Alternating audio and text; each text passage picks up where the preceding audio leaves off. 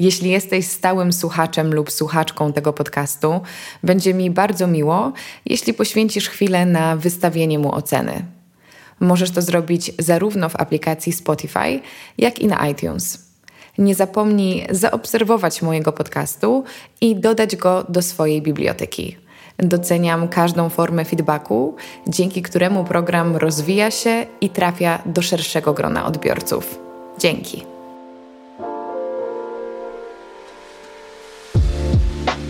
Cześć, słuchacie podcastu Karoliny Sowańskiej, a to jest odcinek 250. W tym programie poruszamy tematy związane z dobrym życiem i celebracją codzienności.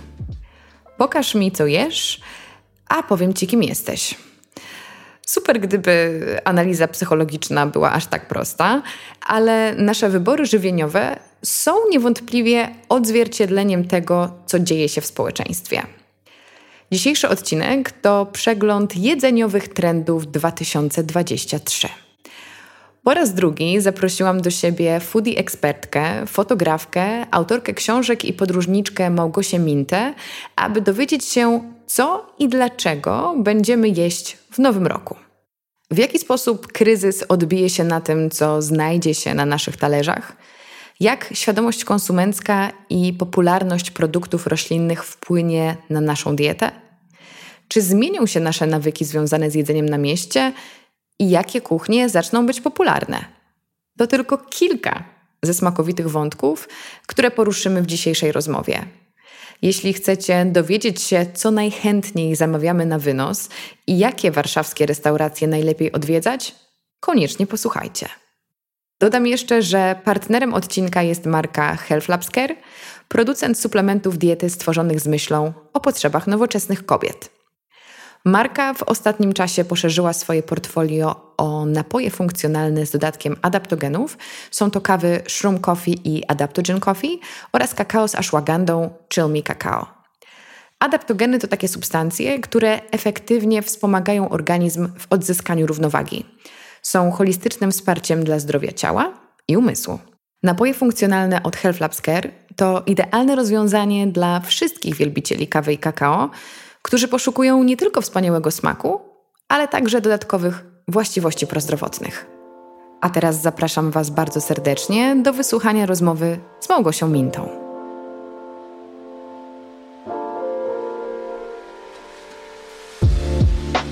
Cześć Małgosiu. Dzień dobry. Witam Cię po raz kolejny po roku Spotykamy się w wyjątkowych okolicznościach, ponieważ rozmawiamy o czymś, czego jeszcze może nie ma, o czym jeszcze nie wiemy, czyli o trendach, ale pomyślałam sobie, że zanim przejdziemy do trendów, zainspirowałaś mnie dosłownie przed sekundą poza nagraniem. Czy umiałabyś jakoś tak skrótowo, symbolicznie podsumować dla nas ten gastro rok? Już jak to mówię, to czuję lekki niepokój, bo to jest dosyć mocne pytanie i duża presja, więc y, może zapytam nieco bardziej nieformalnie. Czy są jakieś takie smaczki, obserwacje, które miałaś przez ten rok, y, jeśli chodzi o nasze różne wybory konsumenckie albo takie przemiany, które miały miejsce w 2022? Z jednej strony mijający rok, czy już miniony, podejrzewam, że dla wielu jednak to już jest taki rok zamknięty na kłódkę, mm, był pierwszym pokowidowym rokiem i myśleliśmy, że wreszcie odetchniemy i wszystko będzie jak dawniej. No dobrze wiemy, że nie było jak dawniej. Znowu coś się zadziało. I podejrzewam, że musimy się jednak do tego przyzwyczajać, że świat będzie nam serwować różne niespodzianki, niekoniecznie miłe, ale wymagające od nas pewnej adaptacji. Mnie samą bardzo ucieszyło to, że ludzie wrócili do restauracji mimo wszelkich przeciwności, obaw, mm, napiętej sytuacji geopolitycznej, ale Podwyżek też ekonomicznej, mm, że ewidentnie to chodzenie do restauracji, wspólne chodzenie do restauracji, spędzanie czasu ze znajomymi przy jedzeniu, mm, odkrywanie jakichś nowych smaków było dla nas rozrywką, może też trochę oderwaniem od codziennych e, problemów. Mnie widok pełnych restauracji, dobrych restauracji zawsze bardzo cieszy. I tak było też w tym roku. Miło było widzieć, że jakkolwiek może nie doszło do wysypu nowych lokali, kawiarni, restauracji, to pojawiło się kilka mocnych nowych graczy. I ta jakość była na tyle dobra czy wysoka, że goście faktycznie te miejsca polubili i zagłosowali na nie swoimi pieniędzmi. A myślisz, że my teraz chodzimy do tych restauracji bardziej intencjonalnie, że jak wróciliśmy, to to jest dla nas takie bardziej wyjątkowe, albo robimy lepszy research i wybieramy te miejsca właśnie mm, w bardziej przemyślany sposób, czy czegoś takiego nie dostrzegłaś? Mm, nie mam na to żadnych dowodów takich badawczych, ale moja intuicja raczej by kazała mi powiedzieć, że raczej te wybory są bardziej że te wybory są bardziej przemyślane. Na pewno też ma na to wpływ e, to, co się dzieje z naszymi finansami i że jednak mamy, każdy z nas ma jakiś ograniczony budżet i wydaje mi się, że nawet jeśli faktycznie my jeszcze nie doświadczyliśmy tych zmian i podwyżek na sobie, to jednak wszyscy o tym non-stop mówią, o tym mówią media, no to jest temat numer jeden, także trudno nie poddać się tej presji e, i takiej nawet podświadomej, wydaje mi się, ostrożności, jeśli chodzi o to, jak wydajemy swoje pieniądze. Ale też z drugiej strony, czy z trzeciej, e, jest w nas coś takiego, że jak wszystko się wali, pali, to my chcemy jednak trochę pokorzystać z tego życia. Chociaż na szczęście no, póki co nic nie wskazuje, żeby, nie wiem, znowu miał być jakiś lockdown albo coś się miało złego wydarzyć. Mm, ale wydaje mi się, że mm, no, gdzieś to jest takie ciągle sprawianie sobie przyjemności. Taki trochę efekt szminki. Mhm. Nawet po tych dwóch minionych latach to takie odbijanie sobie za to wszystko, czego nie można było robić. A jak jest e, z jedzeniem na wynos? Nadal zamawiamy chętnie do domu? Mm, Oczywiście ostatnie dwa lata no to był raj dla mm, platform zajmujących się dostarczaniem jedzenia do domu, no bo to była jedyna opcja zjedzenia czegoś, czego się nie ugotuje mhm. samemu. E, także na pewno wyniki za ten rok podejrzewam tych platform są nieco niższe niż było to na przykład rok, e, w roku ubiegłym, kiedy przypominam większość czasu spędziliśmy jednak w domu i restauracje były zamknięte. Mm, natomiast ten nawyk na pewno w nas pozostał i co jest ciekawe i co wynika mm, z, mm, ze statystyk takich platform, nie wiem, nie wiem, czy mogę mówić nazwę. Możesz mówić. Na przykład pyszne.pl to jest y, w Polsce największa platforma zajmująca się dostarczaniem jedzenia do domu, y, z której korzysta ponad 3,5 miliona osób, czyli co dziesiąty Polak, Polka że zaczęliśmy zamawiać nie tylko pełne posiłki, ale na przykład takie przekąseczki, lody, desery okay. i przyzwyczailiśmy się do tego, że wszystko jest na wyciągnięcie e, telefonu, e, czy aplikacji, czy tak. komputera. I wydaje mi się, że to też Mm, dobrze widać po tym, jak zaczynają się pozycjonować niektóre platformy do zakupów, że to już nie jest nie tylko zrób wielkie zakupy na cały mhm. tydzień mhm. i nie będziesz musiała ich nosić sama na piąte piętro kamienicy i my ci je wniesiemy, ale właśnie masz ochotę na chipsy, za 15 minut możemy ci mhm. je przywieźć. Brakuje ci soli? Tak, będziemy ci za soli, chwilę. będziemy za chwilę i e, chyba to, co w nas zostało, to nawet nie, że my ciągle zamawiamy jedzenie, ale że została nam w głowie ta opcja, ta możliwość, że jesteśmy otwarci mhm. na to, a właśnie nie mam soli, nie, no to już będę tu gotować, a w międzyczasie za 10 minut e, ktoś mi to przywiezie. Czyli stajemy się jeszcze bardziej wygodni. Tak, ale wydaje mi się, że to nie jest kwestia tego, że my zawsze będziemy tak tą sól kupować, ale pojawiła się ta możliwość i my z niej korzystamy. A powiedz mi, co najchętniej zamawiamy na wynos? Bo wiem, że masz e, tutaj dojście do takich informacji. No to jest taka święta trójca, czy właściwie święta dwójca, która się nie zmienia na przestrzeni lat. E, raport, o którym wcześniej wspomniałam, pyszne.pl jest robiony w tym roku po raz czwarty. Po raz pierwszy wzbogacił się też o taką e, część przyszłościową dotyczącą trendów, ale tymi daniami numer jeden jest ciągle pizza i burger z mhm. minimalną różnicą na korzyść burgera. E, co jest ciekawe, w różnych miastach te dania, które są hitami, też są trochę różne i na przykład w jednym mieście to może być pad gdzieś tam w czołowej piątce, w innym mieście butter chicken albo kurczak orientalny, kim, czymkolwiek on jest. Um, oczywiście prym biedzie kuchnia włoska, kuchnia amerykańska, czytaj burger um, oraz kuchnia arabska, czytaj kebab. ale co jest ciekawe, przynajmniej co zwróciło moją uwagę e, w tych statystykach, to jest udział dań wegetariańskich i wegańskich. Mhm. Bardzo dużo się mówi o tym, że my coraz bardziej roślinnie jemy i nasz talerz e, zawiera coraz więcej produktów roślinnych, coraz częściej rezygnujemy z mięsa albo chcemy ograniczać jego udział w swojej diecie. Może nie tak ekstremalnie i do zera, ale zjadać go trochę mniej. I to też e, widać, e, co jest ciekawe, mm, właśnie po tych zamówieniach na wynos, że z tego co pamiętam, 17% dań zamawianych w tamtym roku przez pyszne.pl to były dania wegańskie i wegetariańskie, czyli całkiem sporo. Całkiem sporo, to jest super wynik i to też nam się fajnie łączy właśnie z tym naszym zeszłorocznym odcinkiem i z tego co pamiętam, mówiłaś, że to będzie dosyć taka mocna tendencja 2022, więc to się sprawdziło. I pytanie, co dalej? Czy 2023 też pokazuje takie roślinne tendencje? Jak, jak na to patrzymy? Tak jak e, rozmawiałyśmy wcześniej, trendy to jest zjawisko, które trwa. To nie są takie chwilowe mody czy fascynacje nasze, e, znaczy nasze konsumenckie, ale mm, pewne zjawiska, które są rozciągnięte w czasie, czy zmiany zachowań, które są rozciągnięte w czasie.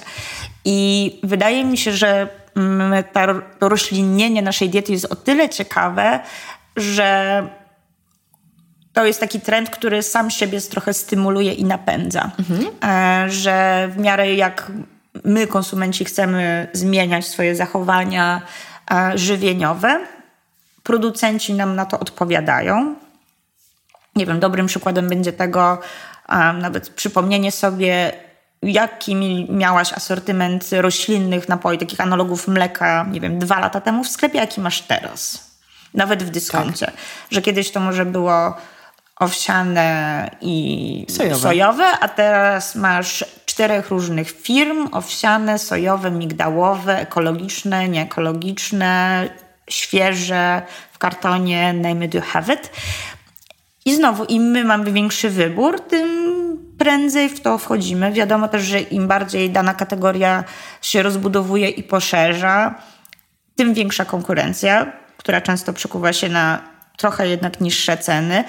No a znowu, jeśli coś ma niższą cenę, no to ta bariera wejścia czy spróbowania danego mm. produktu, nawet jeśli wybieramy go nie z pobudek ideologicznych, tylko no dobrze, no to może spróbuję tego nie mleka, owsianego czy nie mleka sojowego. Nawet jeśli miałoby mi nie posmakować, no to jednak najwyżej stracę jednak mniej pieniędzy, bo nie wiem, wyleję to do zlewu czy cokolwiek. No nie dam, nie, chyba nie dam tego kotu. Nie wiem, czy koty lubią napój owsiany. Nie, nie próbowałam. Um, i to jest bardzo ciekawe. I, i, moim zdaniem każdy z nas może sobie zrobić taki właśnie mikro research, wystarczy wejść do, do dowolnego sklepu. I, yy, I to się zmienia niesamowicie. I właściwie nikogo już nie dziwi, że w restauracjach masz dania, które są bez mięsa i nikt nie, nie, nie traktuje tego jako ciekawostki, że ojejku, tu jest danie główne bez mięsa. No po prostu jest i nikt nic nawet o nim nie mówi.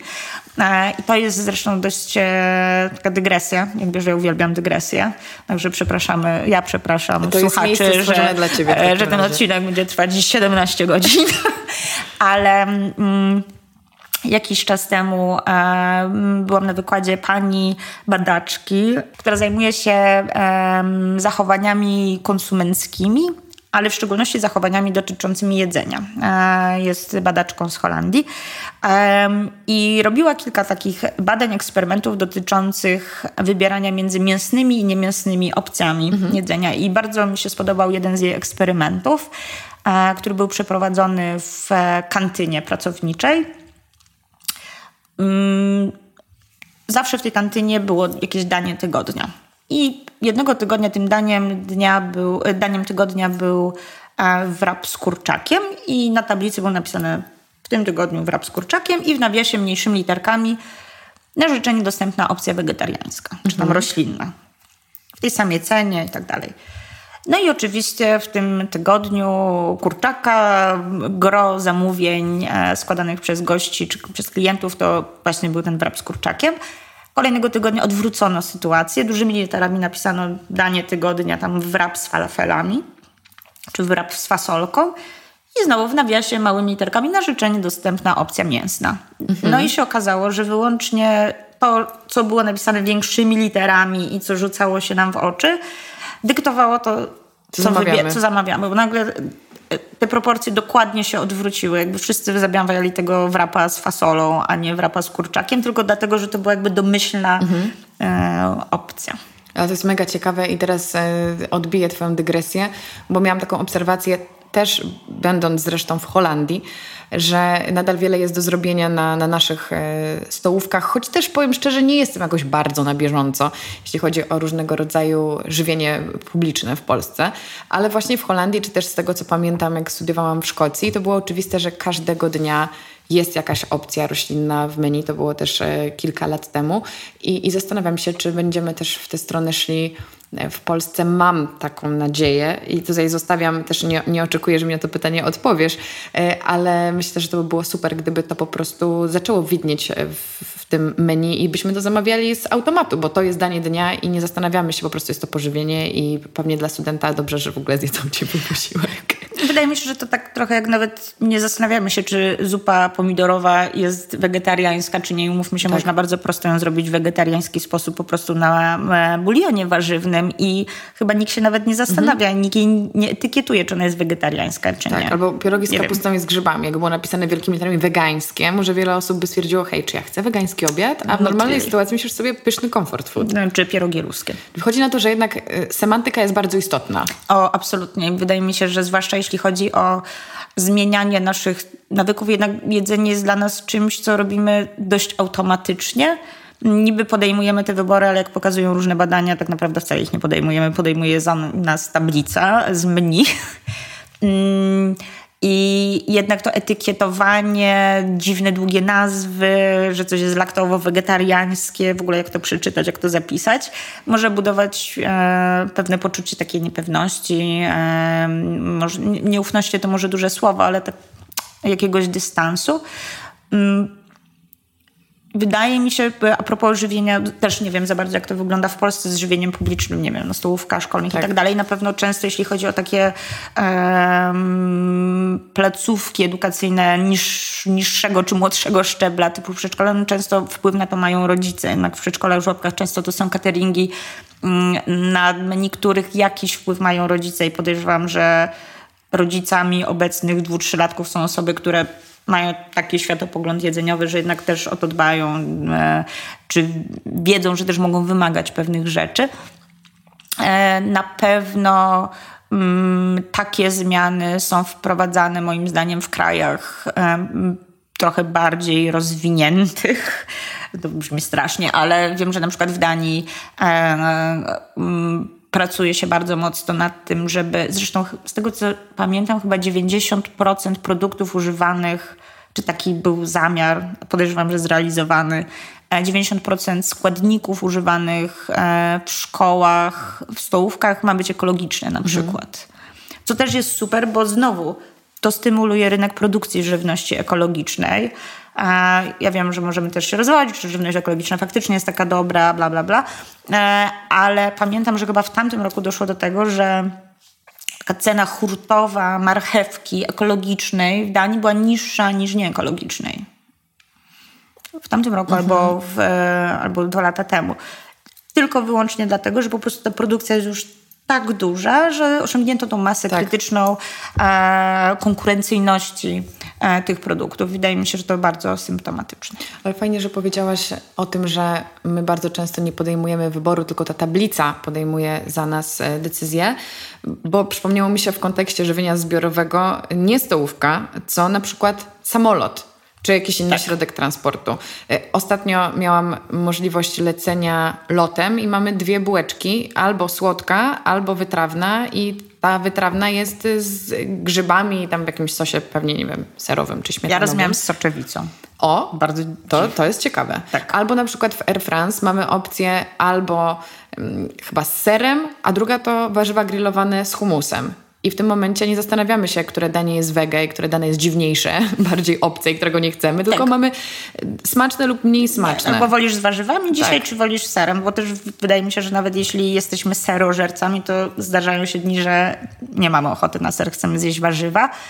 No wiele linii lotniczych też wychodzi z tego zazwyczaj, że podaje menu jako ciepłe posiłki, że ma z gruntu coś, co jest bez mięsa przynajmniej. E, bo to też jest jednak e, bezpieczniejsze. Chociaż ja mam doświadczenie niestety z polskimi liniami lotniczymi, że e, jak już się pójdzie, na przykład to nie, nie jest na poziomie bułeczki, tylko jakiegoś większego dania, no to zawsze tam musi być jakaś szyneczka z kitrana. Jakaś wkładka mięska. Jakaś taka wkładka mięska, gdzie też mi się wydaje, że to jest... Ja też nie jestem wielką fanką bardzo aromatycznych dań, takich mocno pachnących w samolocie. Tak, to sytuacja, jak ktoś je jajko w pociągu, no to... Tak. Ale wydaje mi się, że też e, dużo linii lotniczych, takich większych, przynajmniej tak to komunikuje też, że zaczynają dbać nie tylko o e, wartości odżywcze dań, o czym mówiono kilka lat temu dużo, że jednak te dania nie mogą mieć na przykład dużo soli, a zazwyczaj miały, bo w samolocie zupełnie inaczej odczuwamy smaki i to jedzenie wydawało się nam takie zupełnie mhm. płaskie i najprościej sól, cukier, tłuszcz. Um, swego czasu, to podejrzewam było z 10 lat temu, British Airways miało taką dużą kampanię właśnie renesans, odnowienia czy odrodzenia swojego menu pokładowego, e, korzystając z wiedzy między innymi Hestona Blumenthala, jednego z najbardziej utalentowanych tamtejszych szefów kuchni, czy w ogóle europejskich szefów kuchni, mm, gdzie szukano produktów, które same w sobie są bardzo wyraziste w smaku. Oliwki, suszone mhm. pomidory, um, grzyby, ale też na przykład wodorosty, gdzie można budować wyrazistość e, smaku dań, niekoniecznie sięgając po prostu po sól, której nie powinniśmy nadużywać, a już na pewno w samolocie. Ale powiedziałaś, że wcześniej bardziej zwracano uwagę na wartości odżywcze. A teraz, a teraz? podejrzewam, podejrzewam, znaczy tego bym oczekiwała też po liniach lotniczych, że zaczną coraz bardziej y, dbać o to, co my jemy, że to niekoniecznie właśnie jest kurczak razy 300 pasażerów, tylko może, nie wiem, jakiś e, e, makaron, e, warzywa i tak dalej. Zresztą to obserwacja, znowu wracam do Holandii, uprzedzałam dużo dygresji, w Business Lounge'u na lotnisku Schiphol w Amsterdamie, e, gdzie oczywiście są różne wystawione dania i tak dalej. Może jest jakieś jedno danie mięsne, nie wiem, jakaś pieczeń czy cokolwiek, ale zazwyczaj to są całe bemary jakichś sałatek z soczewicy, z różnych e, strączków, grillowanych warzyw, e, składników do zrobienia swojej sałatki. I gdyby zrobić taki pie chart z tego, co jest na tym bufecie, e, to podejrzewam jednak zdecydowana większość to są takie rzeczy roślinne i to było super odkryciem. To pytanie bonusowe a propos tego, co teraz powiedziałaś.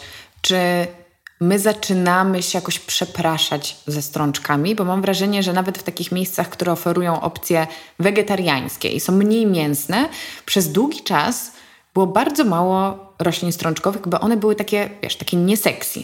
A teraz... No nie, fasolka jest sexy. No, no białą fasolę gdzieś tam zauważyłam w ostatnich latach. Nie no, fasolę moim zdaniem, taka fasolę piękna jeszcze przeżywa jakiś mocny tak, renesans. I masz go w, w cool e, wine bar, pozdrawiamy Natural Rascal, ale bar Rascal, ale ostatnio nawet byłam z, z przyjaciółką na śniadaniu i ona zamówiła sobie, no to jest nie do końca wegetariańskie danie nawet w ogóle, ale to były jajka sadzone z białą fasolką pięknej, aż taką pod, podsmażoną lekko na patelni i z cytrynowym aioli, ale wyobrażam sobie, że można zrobić to aioli de facto e, wegańskie-ish. Można na przykład z migdałów, jadłam kiedyś e, takie. E, ale też można zrobić po prostu, tak jak się robi wegański majonez z, z aquafaby mhm. i z oliwy, albo po prostu rozetrzyć i ubić czosnek e, z oliwą z, i taka podsmażona fasolka, dużo cytryny, uważam super danie. Mm, no jednak fasolki, no wszyscy kochają humus. Tak. De facto ciecierzyca chyba też podpada pod strączkowe. Zdecydowanie tak.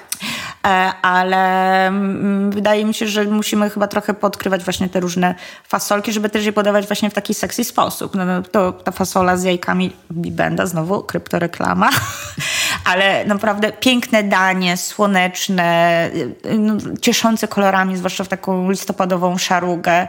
E, także naprawdę super dowód, że można zrobić sexy fasolkę. No tak y, specjalnie tak podpytam, bo myślałam, może to będzie jakiś trend, ale z drugiej strony teraz tak sobie myślę, że chodzimy sobie do knajp meksykańskich czy na jakiś taki fast food typu burrito i tam jakoś z przyjemnością witamy fasolę. Mm wydaje mi się, że dobrze, że wspomniałaś o fasolce, bo na pewno tym trendem yy, niezmordowanym będzie to, że ta kuchnia będzie roślinnieć, ale wydaje mi się, że my... Yy, mamy coraz więcej takich aha momentów, co tak naprawdę jest roślinne, że to już mhm. nie tylko jest ten kotlet sojowy, czy tak.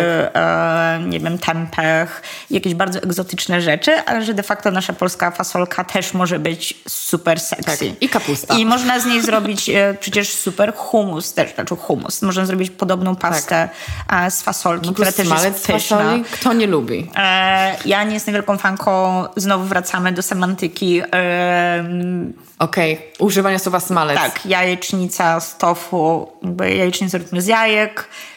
I znowu po angielsku mówimy scramble tofu, mhm. bardziej odnosząc się do metody przyrządzenia. No, u nas to wychodzi tofucznica, tofucznica brzmi trochę strasznie, jak jakaś postać z bajki. Zła postać z bajki. um, ale chyba też uczymy się, że można tą, żeby ta dieta była trochę bardziej różnorodna. Wydaje mi się, na pewno to będzie jest wskazywane, przynajmniej przez ekspertów, jako jeden z takich trendów na przyszły rok, bo to, czego my doświadczamy ekonomicznie, jest zjawiskiem raczej światowym. E, że e, zaczniemy bardziej zwracać uwagę na to, ile wydajemy na jedzenie, i mam nadzieję, że wreszcie w związku z tym przestaniemy to jedzenie marnować, że tak. zaczniemy być bardziej e, kreatywni, gospodarni. To jest takie dobre szanujący e, słowo. To jedzenie. jak wykorzystać różne rzeczy, jak zostanie mi ta fasolka, nie wiem, z jednego dnia, to na następny dzień właśnie sobie ją zmiksuję na taki ala humus. Albo sobie ją zapiekę, nie wiem, na tostach, tak, z, nie wiem, z pastą pomidorową, która mi z kolei została, nie wiem, z resztką sosu od makaronu, jakieś takie tak. kombinacje. Dla mnie to jest raj. Ja tak żyję od lat. Więc pro, słuchaj, pro, muszę się zacząć realizować. Proszę być jak Karolina, po prostu. No. Prosta recepta. E, I mm, Wydaje mi się, że też te zmiany ekonomiczne zwrócą może naszą uwagę na różne produkty, które są dość tanie. Podejrzewam, że jednak kilogram fasolki kosztuje mniej niż kilogram wołowiny. Nie mówię, co jest lepsze, co jest gorsze, ale... Co jest lepsze dla portfela. E, tak, a z drugiej strony też ta fasolka nam dostarczy i węglowodanów, i białka, um, błonnika roślinnego, mikroelementów, także warto ją wprowadzić do swojej diety na pewno. Lowe fasol. Ale a propos roślinnienia, jak ty to widzisz? Więcej roślinnych knajp, czy więcej roślinnych opcji w ogólnych knajpach? Mm, wydaje mi się, że i jedno, i drugie, ale mam nadzieję, że bardziej to drugie. Mhm. Um, zawsze się śmieję, że jedną z moich ulubionych restauracji w Warszawie jest Koneser Grill, która powszechnie raczej kojarzy się jako miejsce z grillowanym mięsem. Faktycznie mają fenomenalną wołowinę od super producentów i te steki, jak mnie mam, są wybitne. Natomiast ja tam przychodzę na całe spektrum e, warzywnych przystawek, okay. z których de facto buduję sobie całą kolację, jeszcze ją pieczętuję jakimś fantastycznym deserem, bo desery są tam obłędne. Um, I nagle się okazuje, że te wszystkie drobiazczki warzywne są wybitne. E, e, I one się zmieniają sezonowo. Też podejrzewam, jest tam jakaś fasolka zaangażowana w całe to przedsięwzięcie. E, I wydaje mi się, że to chyba jest najfajniejsze, że te restauracje też zaczną może trochę odkrywać, że oczywiście co miasto to obyczaj, i co też bańka społeczna, konsumencka to obyczaj, ale że de facto oni też mogą jednak znaleźć popyt, klienta na te warzywne e, dania. I to znowu nie, wychodzi o, nie chodzi o to, że ktoś przychodzi konkretnie jest wegetarianinem, tylko ja wierzę, że każdy może nie mieć ochoty jednak na steka danego dnia. A nie czuć presji, że musi wybrać wegańską knajpę. Tylko Żeby idzie do wegańsko. zwykłej knajpy i wybiera to, na co ma ochotę. Bez takiej presji, bez szufladkowania tego wyboru. Zwłaszcza, że to, o czym wspomniałaś, wiele dań, które my znamy i lubimy, de facto jest wegetariańskich, albo w bardzo prosty sposób można je takimi uczynić. No mówimy tutaj o, nie wiem, połowie kanonu kuchni włoskiej. Pizza margarita, marinara, e, no marinara to już jest wegańska, tak? E, wiele makaronów. Naprawdę znowu nikt się nad tym nie zastanawia, że to tak naprawdę jest wegańskie, czy nie jest wegańskie. A na pewno nie jest, na pewno mięso nie jest, nie wiem, głównym składnikiem. Um, wydaje mi się, że też dużo Często kojarzono to i to wydaje mi się w restauracjach zwłaszcza mocno było jakieś takie zaznaczone, że w restauracji gość to musi, to czasem też słyszę od restauratorów, nie no, w restauracji to jak przychodzi gość, to musi mieć tam stek albo kaczka albo coś tam, nie? Że jak idzie do restauracji, to chce, taki, to chce taki produkt, który w jego głowie jest, mm. nie chcę powiedzieć drogi, ale taki luksusowy. Premium. premium, że ma, że wartość. I jak wiemy, dużo często fajnie, jak przykład idzie z góry i spływa w dół. I e, jakiś czas temu byłam w restauracji, która się nazywa Hisza Franco. Fantastyczna restauracja in the middle of nowhere w, e, w Słowenii.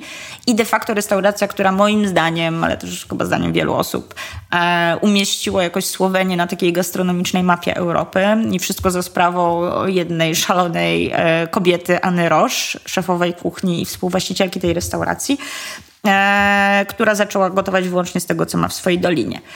W ostatnim menu ja oczywiście zawsze tam brałam menu pesketariańskie, bo jem ryby, owoce morza, ale właściwie tylko w restauracjach, e, ale nie jem mięsa typu drób wołowina czy dziczyzna. I jej ostatnie menu, czyli nie wiem, sprzed miesiąca, tam w ogóle nie ma mięsa. Mhm. I ona sama mówi, w ogóle o tym nie mówi de facto wszyscy wychodzą nasyceni, ale też nie nasyceni, bo nagle dostają kilogram fasoli, ale nasyceni mnogością świetnych, mocnych w smaku dań.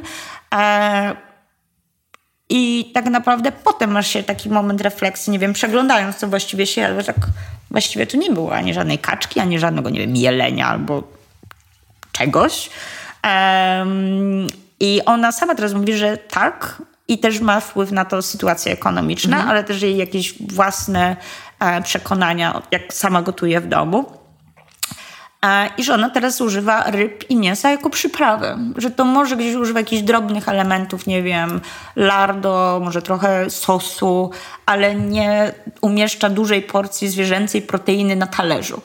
I wydaje mi się, że jeśli tego pokroju restauracje, do których trzeba czekać, nie wiem, miesiącami, żeby mm, wywalczyć rezerwacje, e, które są bohaterkami, nie wiem, serii dokumentów na Netflixie, bla, bla, bla, są w 50 najlepszych restauracji na świecie.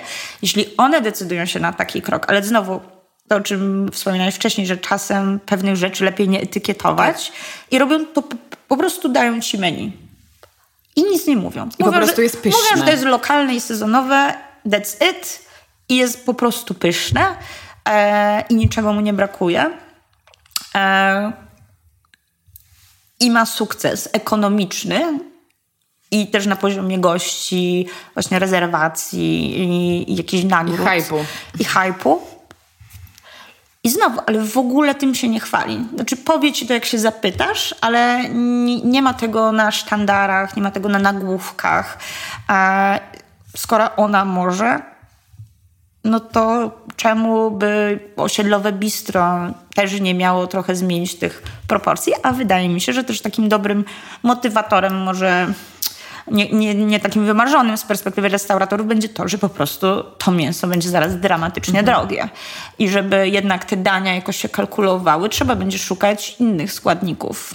Z wysokiego stołka na, na ziemię. E, słuchaj, byłam ostatnio po raz pierwszy chyba od tysiąca lat na jedzeniu w McDonaldzie. Nie jest to absolutnie żadna reklama i nie planuję się tam stołować, ale poszłam tam dlaczego? Dlatego, że prawie połowa menu, w, uwaga, Holandii, to jest jakiś motyw wiodący tego odcinka, ewidentnie. Nie, nie, ustalały, nie ustalałyśmy tego, ale tak wychodzi jest y, roślinna. Ja miałam swoją kanapkę dzieciństwa pod tytułem McChicken. Jak zobaczyłam, że jest y, McChicken wersja veggie, to byłam zachwycona i to pokazuje, że właśnie nawet ci nasi osiedlowi restauratorzy, czy też najsłynniejsze brandy świata Zamiast hamburgera i skoro... soczystej wołowiny. Tak, czyli że ktoś to kupuje, czyli zmiana się dzieje. Tak, i to w jakim tempie, to jest niesamowite i to, o czym mówisz, że na wszystkich poziomach. I znowu, im większy wybór, tym wydaje mi się łatwiej zmieniać trochę swoje zachowania, bo też wydaje mi się, że my nie lubimy zmieniać swoich zachowań na siłę. My niby wiemy, że tam e, ślad węglowy, że wpływ na nasze zdrowie, że co się dzieje na naszym portfelu, jak kupimy sobie tych steków na obiad i tak dalej. Ale może też dzięki temu zaczniemy bardziej szanować te produkty pochodzenia odzwierzęcego, no jednak one wymagają, no a po pierwsze jest to żywy organizm, b też wymagają więcej pracy, czasu, nakładu wody i tak dalej, i tak. I może zaczniemy to faktycznie traktować, bo to powinno być czymś bardziej mhm. premium. Nie, nie mówię, że marchewka nie jest premium. Też wypieszczona marchewka dla mnie, albo pomidor to już w ogóle. Na pewno, super premium. Ale że chyba zaczniemy, mam nadzieję, no to nie jest fajne, że wszystko drożeje dookoła, ale może to nas zmotywuje do tego, żeby nie marnować 30% produkowanej żywności. To pomyślałam, że zderzę z Tobą kolejny trend z zeszłego roku i zobaczymy, co się wydarzyło, czyli ta moda na bezalkoholowe alkohole i wszelkiego rodzaju napoje, y, peringi z różnych napojów, y, które nie mają w sobie alkoholu. Czy to rzeczywiście rozkwitło w zeszłym roku? Czy to będzie z nami dalej? O, rozkwitło i to bardzo, i to na poziomie i restauracji, ale wydaje mi się też sklepów. Mam takie wspomnienie z ubiegłego roku, z lata, Jestem na lotnisku, bo to jest mało poprawne politycznie, ale niestety to jest lotnisko moim drugim domem. E, jestem w Hiszpanii. Hiszpania jest znana e, z mm, picia ginu z tonikiem. To jest mhm. bardzo popularny koktajl, zwłaszcza w, w Katalonii. I często przyrządzanie tych ginów z tonikiem to jest w ogóle cały ceremoniał w barach czy w restauracjach. E, jestem na lotnisku, mam trochę czasu, idę do sklepu w strefie wolnocłowej i na takim stędzie, gdzie są wystawione jakieś produkty w promocji, cała piramida bezalkoholowego ginu dużej, wiodącej marki. Mm. I takiej dużej marki, takiej turbopopularnej, nie jakiś dziwny, niszowy produkt, wielki gracz na rynku. I tak, hmm, a, jestem w kraju, gdzie to totalnie bym się tego nie spodziewała. B, w ogóle nie wiedziałam, no to że... przecież Hiszpania jest taka trendowa. Ale, ale że też takie duże firmy decydują się na wprowadzanie bezalkoholowych tak. wersji swoich takich naprawdę masowych produktów. Absolutny szok. Zrobiłam z 15 zdjęć, nie? nawiedzona. Nie kupiłam tego ginu. E, ale wydaje mi się, że znowu to pokazuje, tak. że to już się dzieje i nic z tego nie zatrzyma. Um, Znowu bardzo fajnie to widać też po restauracjach, jak poszerzają się jednak te um, opcje niealkoholowe, że to już nie jest tylko woda albo woda z bąbelkami, tylko znowu kombucze, ale też coraz większe kombinacje, jeśli chodzi o bezalkoholowe koktajle i moim zdaniem to jest bardzo fajne.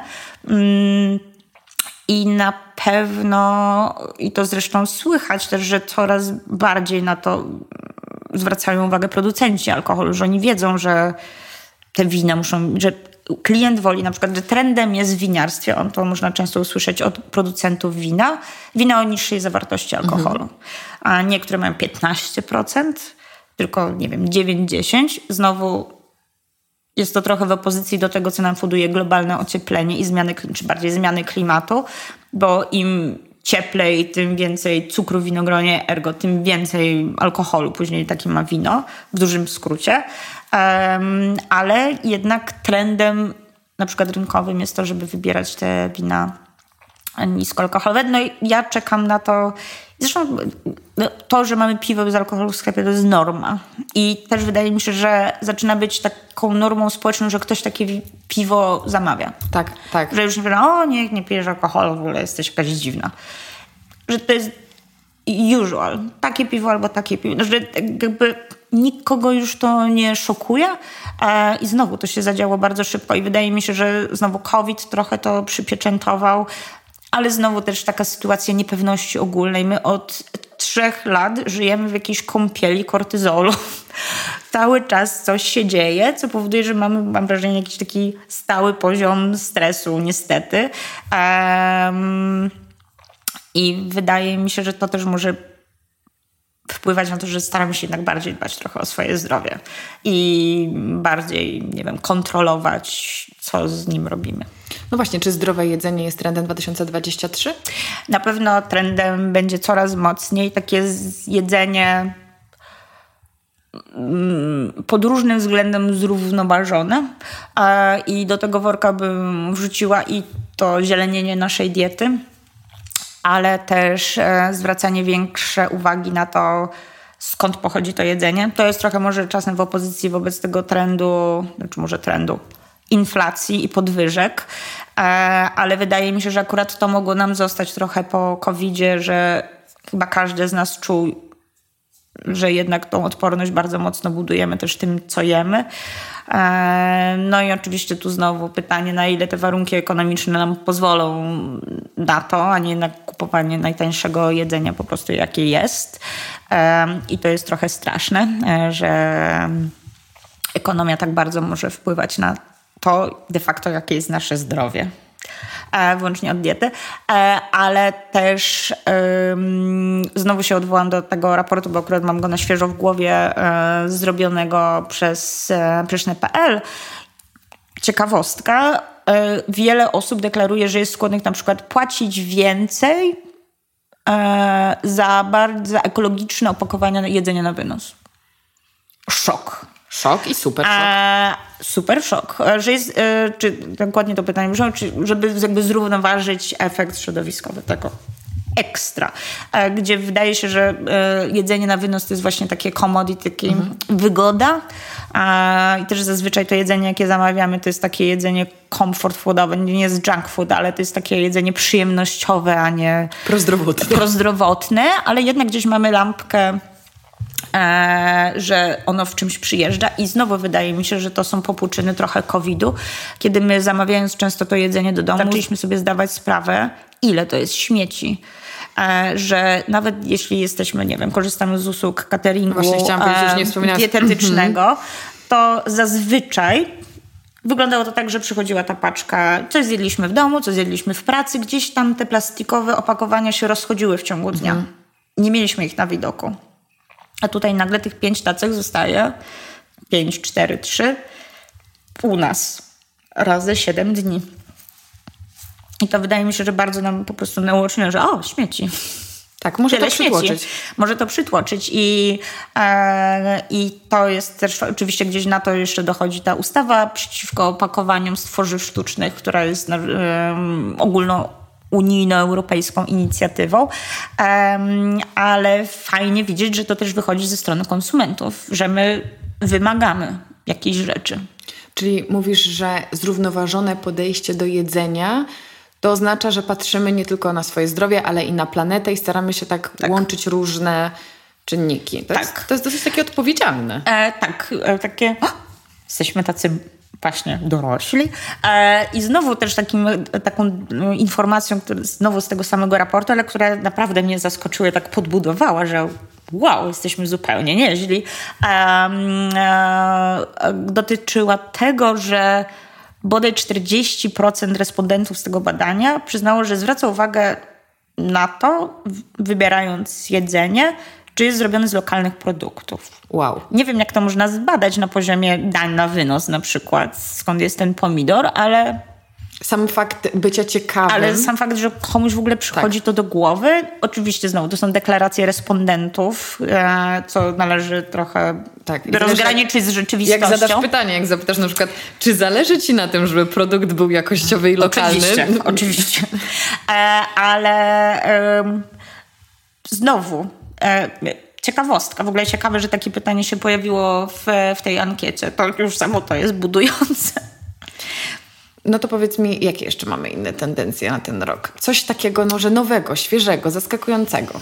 Mm, wydaje mi się, że chyba naj, najciekawiej może się dziać właśnie w tym obszarze produktów roślinnych, e, że zaczniemy mieć produkty roślinne, których nie myśleliśmy, że mogą być roślinne. Przykład że, I że one wejdą do takiego mainstreamu. I to wydaje jest bardzo dużo startupów zajmujących się roślinnym jedzeniem i nawet w samej Polsce. I wydaje mi się, że to jest tylko kwestia czasu, żeby wreszcie te produkty tak pyk i trafiły na, na półki sklepowe. A nie wiem, jedną z takich ciekawostek i startup, któremu mocno kibicuję, nazywa się It's Bean. It's Bean? O. A, założony przez dwie dziewczyny i to są... Y analogii nabiał robione z fasolki znowu. Fasolka i Holandia, sponsorzy dzisiejszego odcinka. Um, I są to jogurty w szklanych słoiczkach albo mm, napoje fasolkowe, ale też smakowe. Chyba czekoladowe jest na przykład, czy o smaku solonego karmelu, o ile się nie mylę. Ciekawe, innowacyjne, mhm. nie sprowadzamy soi z nie wiadomo skąd albo migdałów jest z jeszcze dalej, tylko korzystamy z czegoś, co jest lokalne, nasze, pewnie tak. niższy ślad nie, nie, nie dam sobie ręki uciąć, czy to jest polska fasolka, e, ale domyślam się, że mogłaby być fasola uprawiana w Polsce, czyli znowu skracamy ten łańcuch dostaw, nie ciągniemy tych orzechów przez pół świata.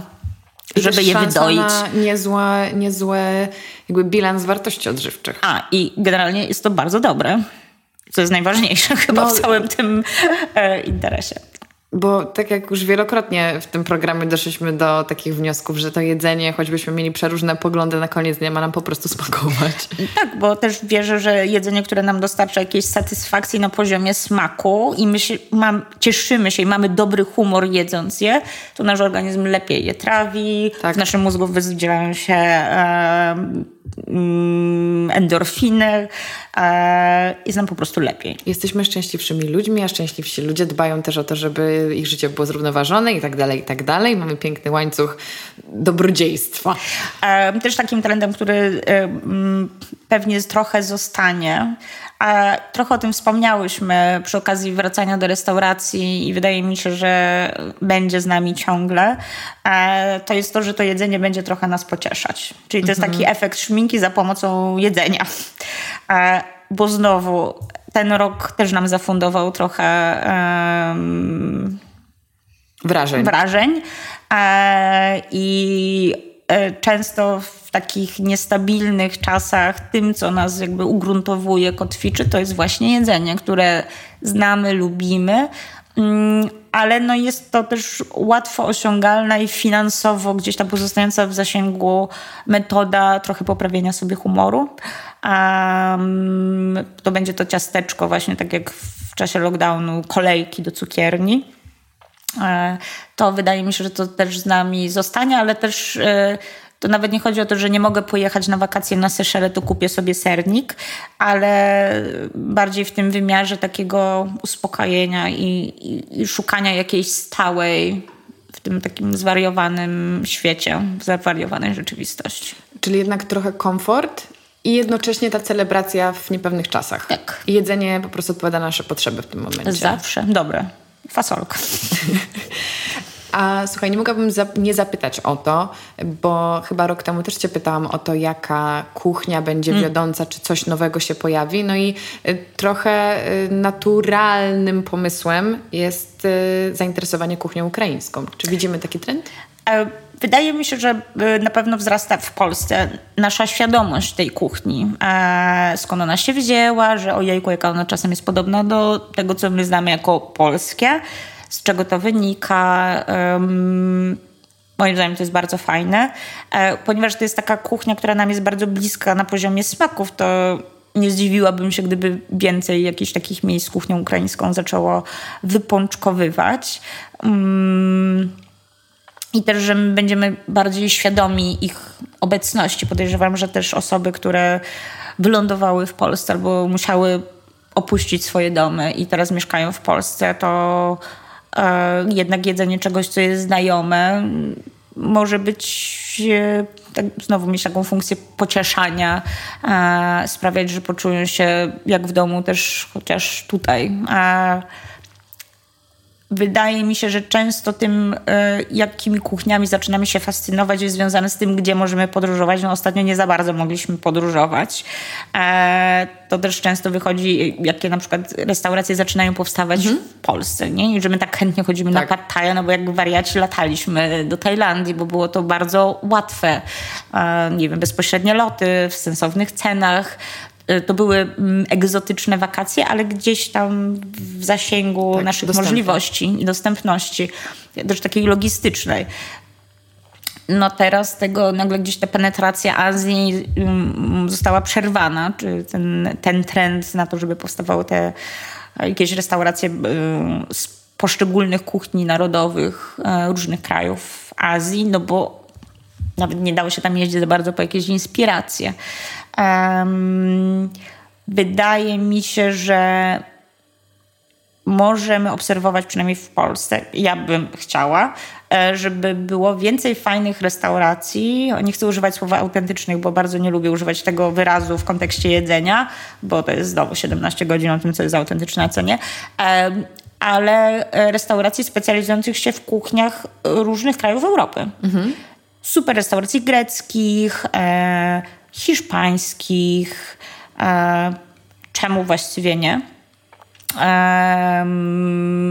Niby to są takie kraje, gdzie jeździmy na wakacje, ale restauracji hiszpańskich w Warszawie mamy, nie wiem, trzy w dwumilionowym mieście, no trochę słabo.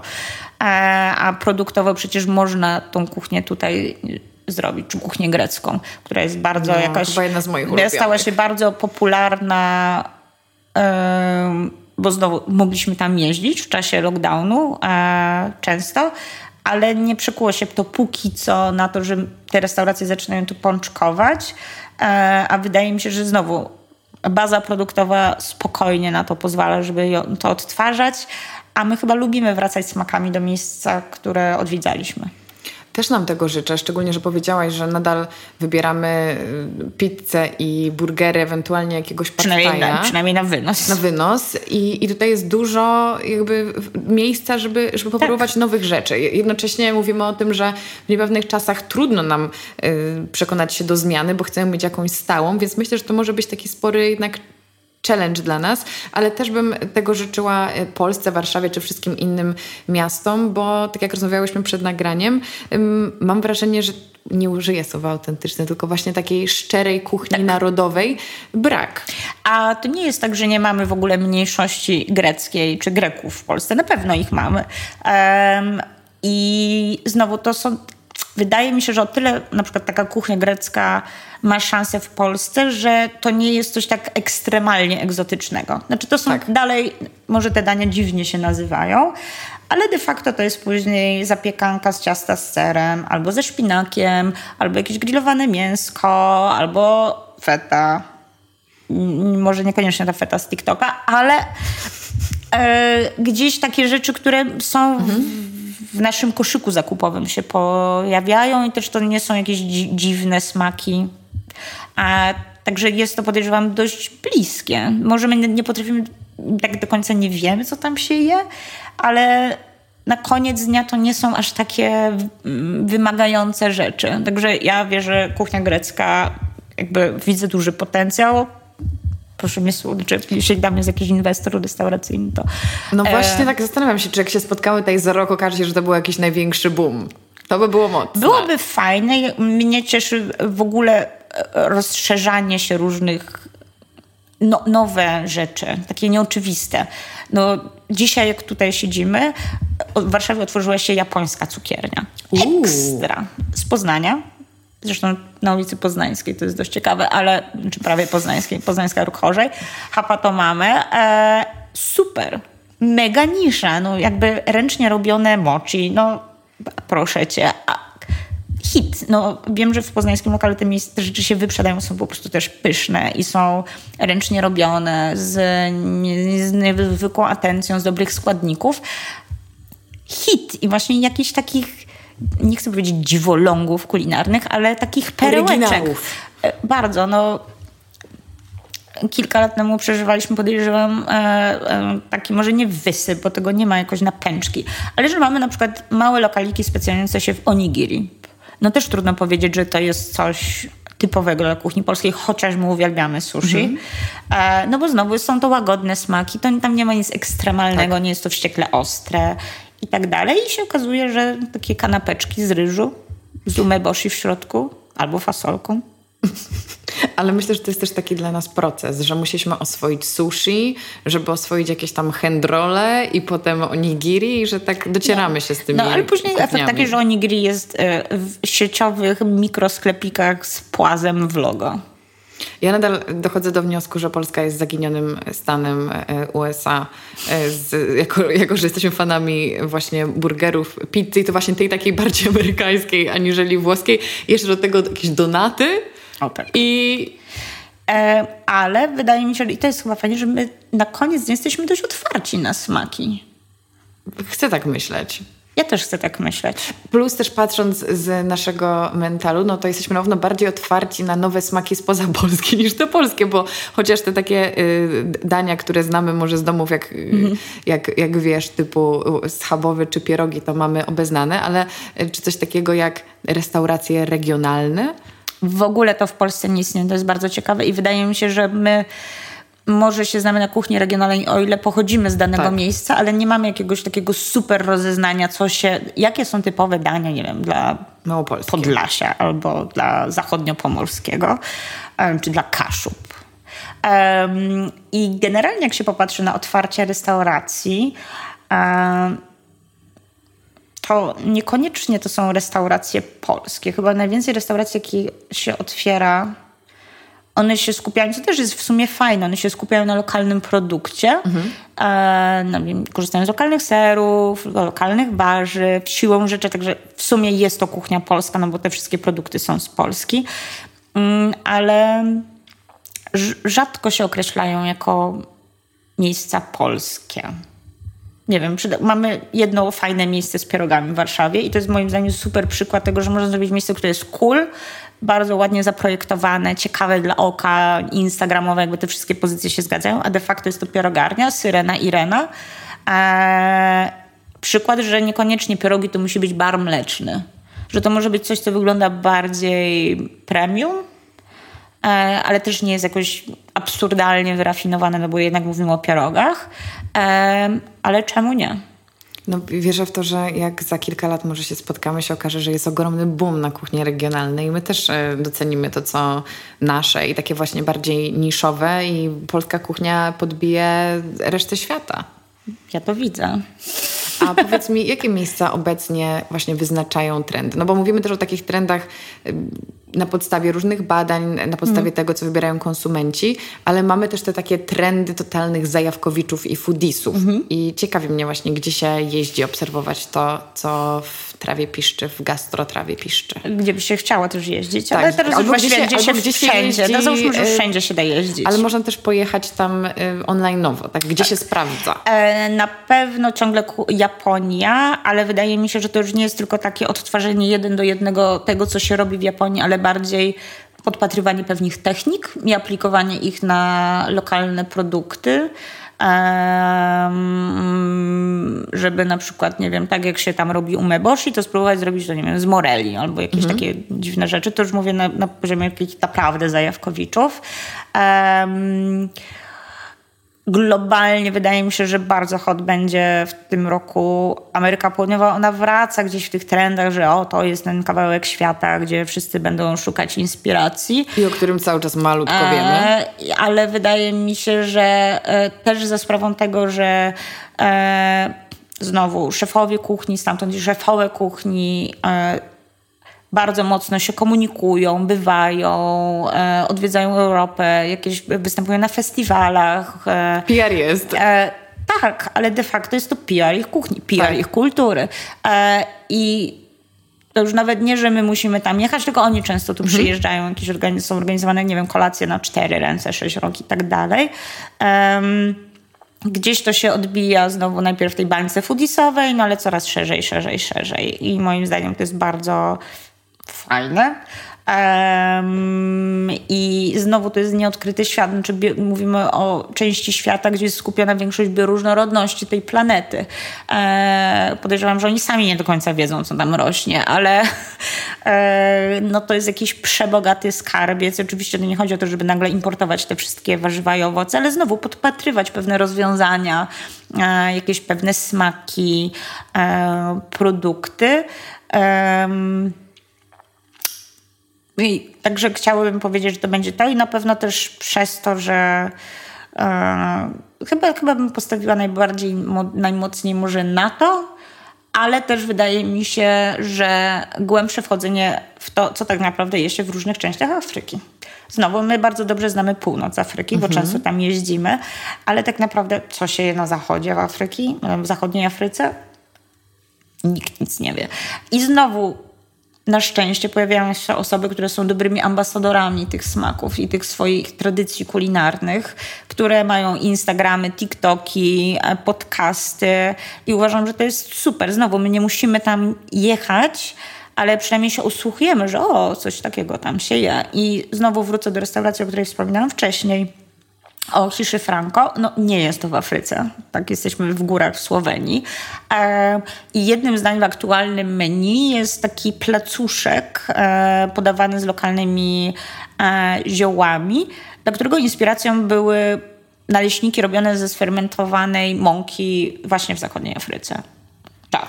Oczywiście jest robione tam z... E, aktualnie chyba było z e, nie pamiętam teraz jakiej mąki, ale bardziej zboża, którego my używamy europejsko. Ta sama technika, pyszne. Znaczy w ogóle nie widzę, czemu by nagle to nie miało być typowo europejskie mhm. danie, nie? Bo w końcu przecież jemy różne placki, naleśniki i tak dalej. Jak już e, przyjechałaś do Europy e, w tej opowieści, to jakie będą takie hot miejsca europejskie? O, Grecja. To... Na pewno, e, ale to też wpływa na to, jak bardzo e, się zmienia scena gastronomiczna, na przykład w Atenach, mhm. że to mhm. już nie tylko są takie pułapki dla turystów, e, tylko powstaje coraz więcej miejsc, które też są atrakcyjne dla samych lokalnych mhm. mieszkańców. Mhm. Czyli oczywiście też piekarnie rzemieślnicze, ale jednak specjalizujące się też w lokalnych wypiekach, tak. a nie nagle robiące wszystko na francuską modłę. Ale też restauracje typu neobistro czy fine diningowe, skupiające się na takim nowym pokazaniu tych lokalnych produktów albo kombinacji smaku. Nie tyle może na reinterpretacji samych dań, ale właśnie na wyłuskiwaniu takich charakterystycznych zestawień smakowych, które gdzieś się przewijają często w kuchni. i prezentowania ich na talerzu. Także wydaje mi się, że to ja ja bardzo chętnie bym na pewno się tam pojechał i nie mogę, nie mogę się doczekać, także to na pewno. E, wydaje się, że e, Paryż przeżywa bardzo fajny renesans ze sprawą gro młodych szefów kuchni.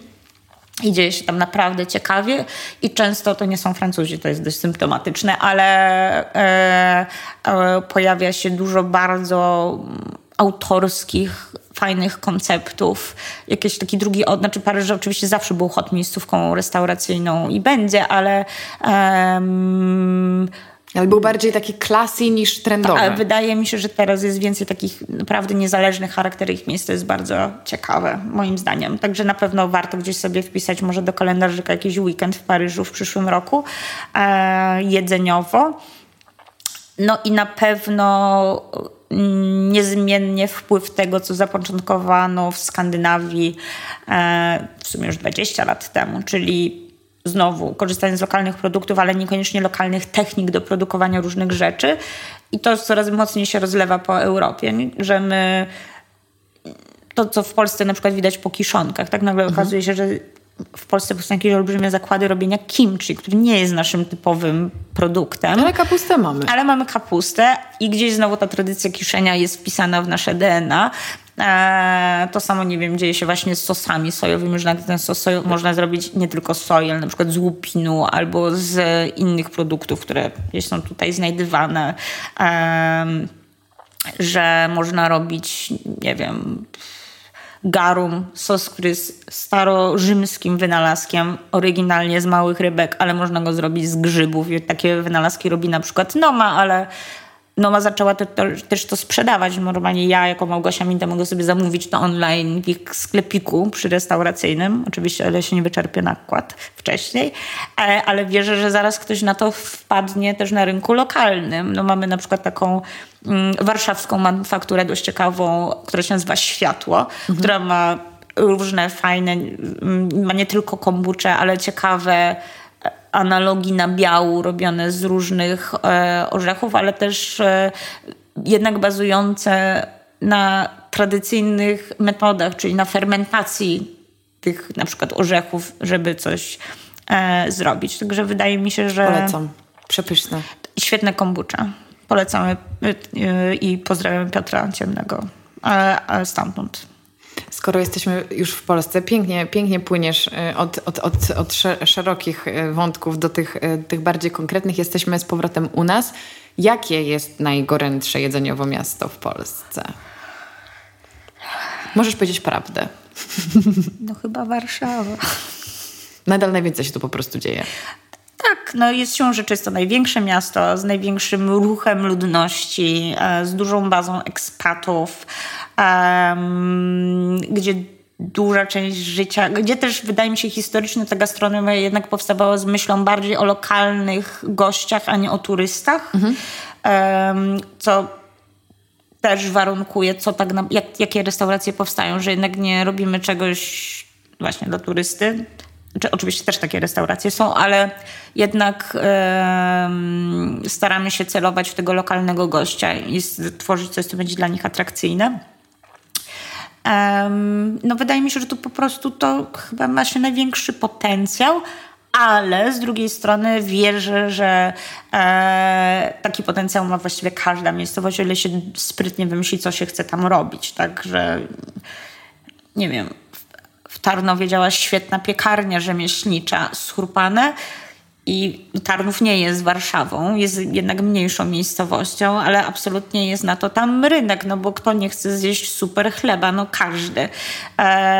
i, I wierzę, że to jest tylko kwestia znalezienia niszy, dobrego rozeznania rynku i można robić czasem szalone rzeczy w najmniej oczywistych miejscach. Ja mam wrażenie, że ten 2022 to był trochę taki rok boomu piekarni rzemieślniczych. O, tak. Myślisz, że to będzie tak samo w tym roku, czy jakaś nowa będzie taka, nowe grzyby po deszczu wyrosną? Wydaje mi się, że y, to zależy od miasta, że w pewnych miastach ten rynek już się wysycił mhm. i właściwie w Warszawie doszło do tego, że każda dzielnica ma fajną piekarnię rzemieślniczą, tak. że już nie trzeba jechać przez pół miasta, tylko ich pewnie w tym momencie już, już jest kilkadziesiąt tak. i tak jak zresztą powinno być, piekarnia jest czymś osiedlowym, sąsiedzkim, a nie, znaczy owszem, jak chcę koniecznie zjeść kłosa od Moniki Waleckiej, to będę jechać na ten Żoliborz po tego kłosa, ale e, mam na przykład świetną piekarnię obok domu, będzie dobrze, gdzie mhm. mają fenomenalny chleb na zakwasie, który jest moim codziennym chlebem i super. Um, I wydaje mi się, że teraz jest y, bardziej szansa dla innych miast i znowu te chleby są oczywiście zawsze droższe, znowu inflacja na chlebie akurat to się odbija bardzo, mhm. no bo to są jednak wszystko piece działające tak. na prąd e, i to nie jest taki domowy piekarnik. Mówimy o wielkiej szafie z bardzo wysoką temperaturą. Ale wydaje się, że my chyba ciągle mamy apetyt na to pieczywo i może przynajmniej zużyjemy już na pewno do końca i nie będziemy wyrzucać takiego chleba i tak powinno być zawsze, zawsze. Także wydaje mi się, że na przykład na piekarnię ten boom może nie zmaleje czy nie spowolni, ale bardzo się rozleje. Chciałabym w, tak mhm. wierzyć, że rozleje się po prostu po innych miastach. Bo skoro w Warszawie działa, to właściwie czemu nie w innych miastach? No, bo czasem dochodzi do takich paradoksów, że nie wiem, wielkie trójmiasto takich piekarni jest raptem na palcach dwóch rąk, a znowu mówimy o wielkim skupisku ludności. A masz jakiś pomysł, co będzie następcą takiej, takiej, takiego piekarniowego boomu? No tak, przyszliśmy już kawę i to chyba tak. całkiem z sukcesem. E, przeszliśmy chleb, to już jakby okrzepło. E, wina naturalne wydaje mi się, że też zupełnie dobrze się mają i to też jest niesamowita zmiana, która się zadziała ile? Dwa lata? No. Trzy lata? Szok. Um, Mieliśmy wysyp wegańskich knajp też Mieliśmy wysyp wegańskich knajp. E, może bym ciągle postawiła na takie rzeczy, które dobrze znamy, ale robione jednak w bardziej jakościowy sposób, czyli... Cukiernie? Tak, nie, moim zdaniem tak. Tego trochę jest ciągle za mało, a ewidentnie te, co są, mają się bardzo dobrze. Ale na przykład jeśli makaron, to świeżo robiony. Mhm. Jeśli pizza, to na długiej fermentacji z super mąki, zręcznie robiono, nie wiem, z dobrą mozzarellą, tak? E, że dalej może nie jakieś takie szalone rzeczy, może takie delikatesy jakościowe właśnie. Mm, to niby jest, trochę to zniknęło.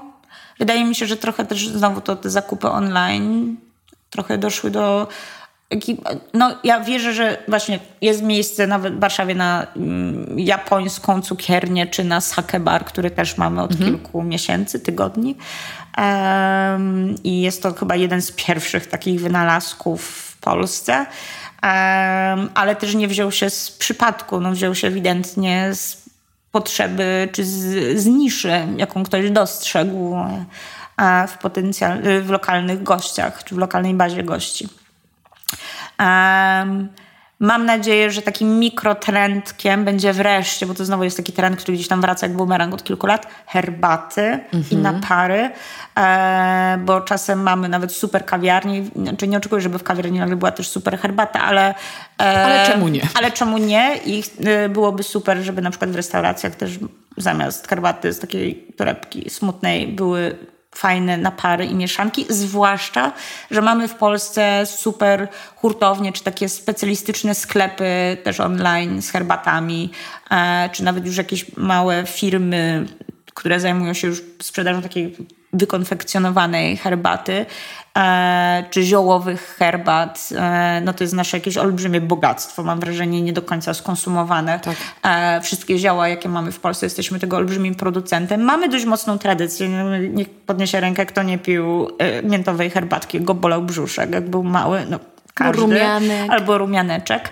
Um, I fajnie jest widzieć, że pojawiają się firmy, które po prostu to konfekcjonują w bardziej taki um, apetyczny, ciekawy sposób i czasem wydaje mi się, że niestety to opakowanie robi robotę. E, I, e, no pewnie, nie ma co ukrywać. I, a, I że czemu nie? To jest super ciekawy wątek, ja to też chętnie mm, myślę u siebie gdzieś pociągnę, bo o kawie wiemy już całkiem sporo. Dużo osób jest zajawionych robieniem kawy speciality, czy w domu, czy wychodzenie na nią i zwracanie uwagi na jakość, na dbałość tak, o tak, każdy czy etap. Etiopia, czy Brazylia? No tak, i wiesz, jaka temperatura, jaka waga, jakby tutaj skrupulatnie wszystko odmierzamy, a w przypadku herbaty zalewamy wrzątkiem i nara trzymamy te fusy potem przez dwie godziny i sama jestem też winna i ostatnio zaobserwowałam, że jest tutaj sporo do, y, do, tak. do edukowania się i właśnie pokazania, że też te herbaty można pić jakoś jakościowo wykorzystywać jej pełny potencjał. Małgosiu, na koniec zadam Ci pytanie, na które nie wiem, czy chcesz odpowiadać. Ojej. Może trzy, może pięć, może jeden, tyle, ile przyjdzie Ci do głowy. Jakieś e, warte odwiedzenia, gorące, nie wiem czy nowe, ale może przechodzące jakiś renesans miejsca w Warszawie do jedzenia. Bardzo e, chcę odwiedzić Hapatomamy, czyli japońska cukiernia rodem z Poznania, która super ekstra zawitała do Warszawy na stałe, na, na ulicy Chorzej. Fenomenalne mochi, ale też super daifuku koniecznie i super matcha. Znaczy oni, chłopaki absolutnie wiedzą, co robić z macią, jak ją podawać. E, totalnie polecam. E, I wszystko jest robione ręcznie, domowo. Super. z takich restauracji bardziej e, fine diningowych. E, Hub Praga, Witek Iwański. Malutkie miejsce, bardzo autorskie i to też w tym wystroju czuć, że jest się bardziej, może nie u kogoś w domu, ale um, kameralnie. Jest bardzo kameralnie. E, jest to jakieś mistrzostwo rozszerzenia przestrzeni od środka, trochę case biblioteki z Hogwartu. Mhm. Um, i bardzo sprytnie wymyślona koncepcja menu, bo można zamawiać dania à la carte, ale też można poprosić, żeby z tych dań szef kuchni nam zrobił menu degustacyjne. Bardzo dużo warzyw, e, bardzo duża rotacja sezonowa e, też dań, także fajnie, bo można tam wracać.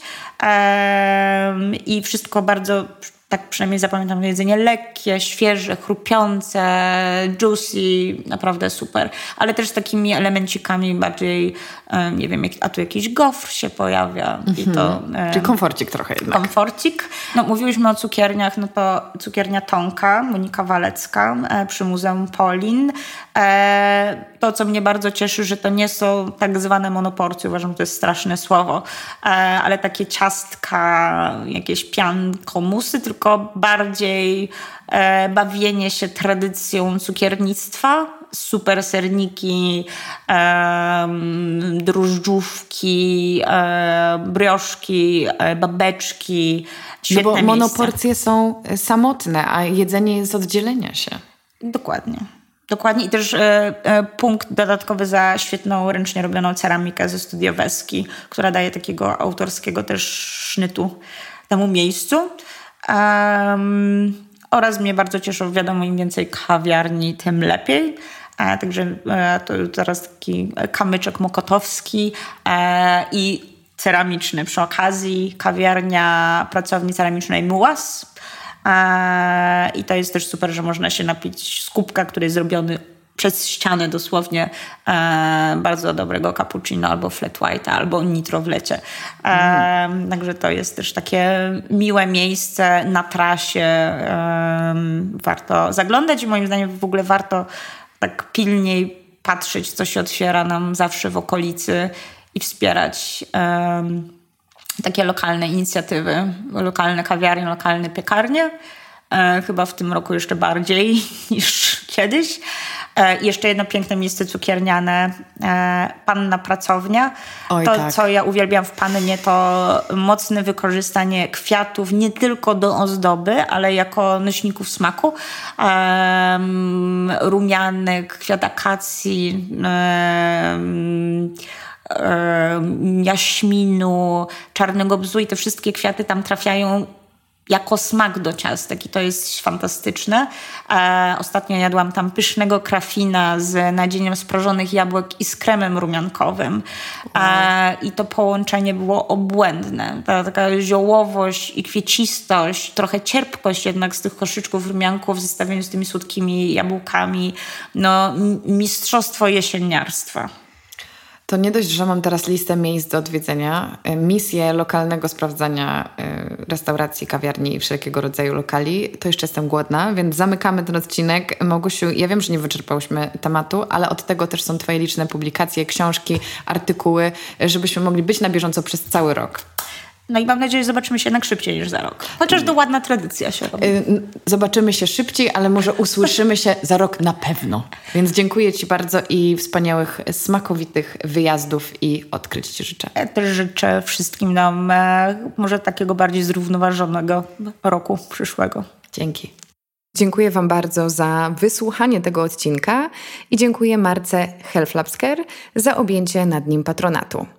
Jak zawsze przypomnę, że mój podcast ukazuje się w każdy poniedziałek o 7 rano, w każdy pierwszy dzień miesiąca o 7 rano, kiedy to mam dla Was solowy odcinek pełen inspiracji oraz raz na jakiś czas w środy, kiedy to pojawiają się tak zwane bonusy. Oprócz tego dodam, że podcast dostępny jest na Spotify, iTunesie i na YouTubie, a ja regularnie udzielam się też na Instagramie pod nazwą Karolina Sobańska. Raz jeszcze wielkie dzięki, do usłyszenia Cześć!